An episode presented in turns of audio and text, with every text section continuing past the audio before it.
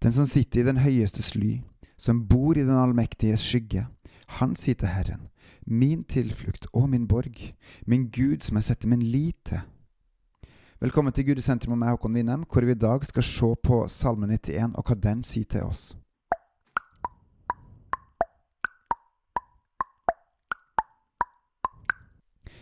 Vi lever i ei tid der Guds sannheter og ordninger er under kraftig angrep. Og da har vi, vi som følger Han, fått valget vil du følge verden, eller vil du følge Han? Å følge Han gir konsekvenser, også negative. Det koster, for verden er oss imot. Hele NT taler om forfølgelser og trengsler, og den som våger å snakke opp Guds sannheter, vil få motgang på ulike måter. Er det verdt det?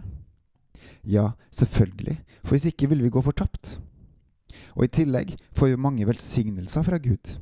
Og vi skal elske hverandre, vi som virkelig er i Guds familie, vi som holder fast ved Hans ord. Men hva gjør man når man møter motgang? Og hvordan vil det gå? Salme 91 sier oss mye om det her. Legg din vei hos Han, så er du trygg. Vi leser. Den som sitter i den høyestes ly, som bor i den allmektiges skygge, han sier til Herren, min tilflukt og min borg, min Gud som jeg setter min lit til. Legg merke til at her snakker vi om et menneske som sitter hos den høyeste, som søker ly hos den allmektige, og som sier til Gud, min tilflukt og min borg, at han rett og slett, det her mennesket, setter sin lid, lid til Gud. Og hvilket menneske det er snakk om? Det er alle mennesker som søker ly hos Gud. For han frir det fra fuglene fangerne snare, fra ødeleggende pest. Med sine vingefjær dekker han deg, og under hans vinger finner du ly. Hans trofasthet er skjold og vern.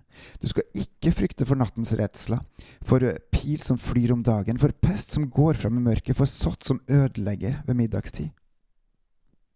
Så, den som setter sin lit til Herren, vil bli befridd av Gud. Det vil komme trengsler, men Gud vil befri. Og med sine vingefjær som han dekker deg med, så finner du ly. Og Gud, han er rett og slett vårt skjold og vern. Og da slipper vi å frykte for dette. Fordi vi vet at Gud, han tar seg av sine, de som holder fast ved Hans ord. Om tusen faller ved den side og titusen ved den høyre hånd, til deg skal det ikke nå. Du skal bare se det med dine øyne, se hvordan de ugudelige får sin lønn. For du, Herre, er min tilflukt. Den høyeste har du gjort til din bolig. Så du vil se masse som skjer. Du vil se folk som faller. Folk som ikke søker Gud. Men du som søker Gud, det vil Gud ta seg av. For du, Herre, er min tilflukt. Den høyeste har du gjort til din bolig. Intet ondt skal ramme deg, og ingen plage skal komme nær ditt telt. For han skal gi sine engler befaling om det, at de skal bevare deg på alle dine veier. De skal bære deg på hendene, så du ikke skal støte din fot på noen stein. På løve og hoggorm skal du trå, og du skal tråkke ned unge løver og slanger. For han henger fast ved meg, og jeg vil utfri han, jeg vil sette ham trygt på et høyt sted, for han kjenner mitt navn. Alt det her er et løfte til deg hvis du holder fast med Han. Da vil Herren utfri deg. Og til slutt står det, Han skal påkalle meg, og jeg vil svare Han. Jeg er med Han i nøden, jeg vil utfri Han og føre Han til ære. Så hvis vi holder fast med Han, hvis vi påkaller Han, hvis vi lever med Han, da vil Gud svare oss. Da vil Han være med oss i nøden, og Han vil utfri Han og føre Han til ære for sitt navns skyld. Med et langt liv vil jeg mette han og la ham skue min frelse.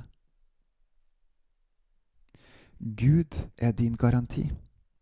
Gud i din frelse. Kun ved å legge ditt liv i hans hender er du trygg. Hvis du velger verden framfor han, så er du ikke Guds hender. Velger du Gud framfor verden, så er du i hans hender. Løft fram Guds sannheter. Løft fram Guds ordninger, for det er godt.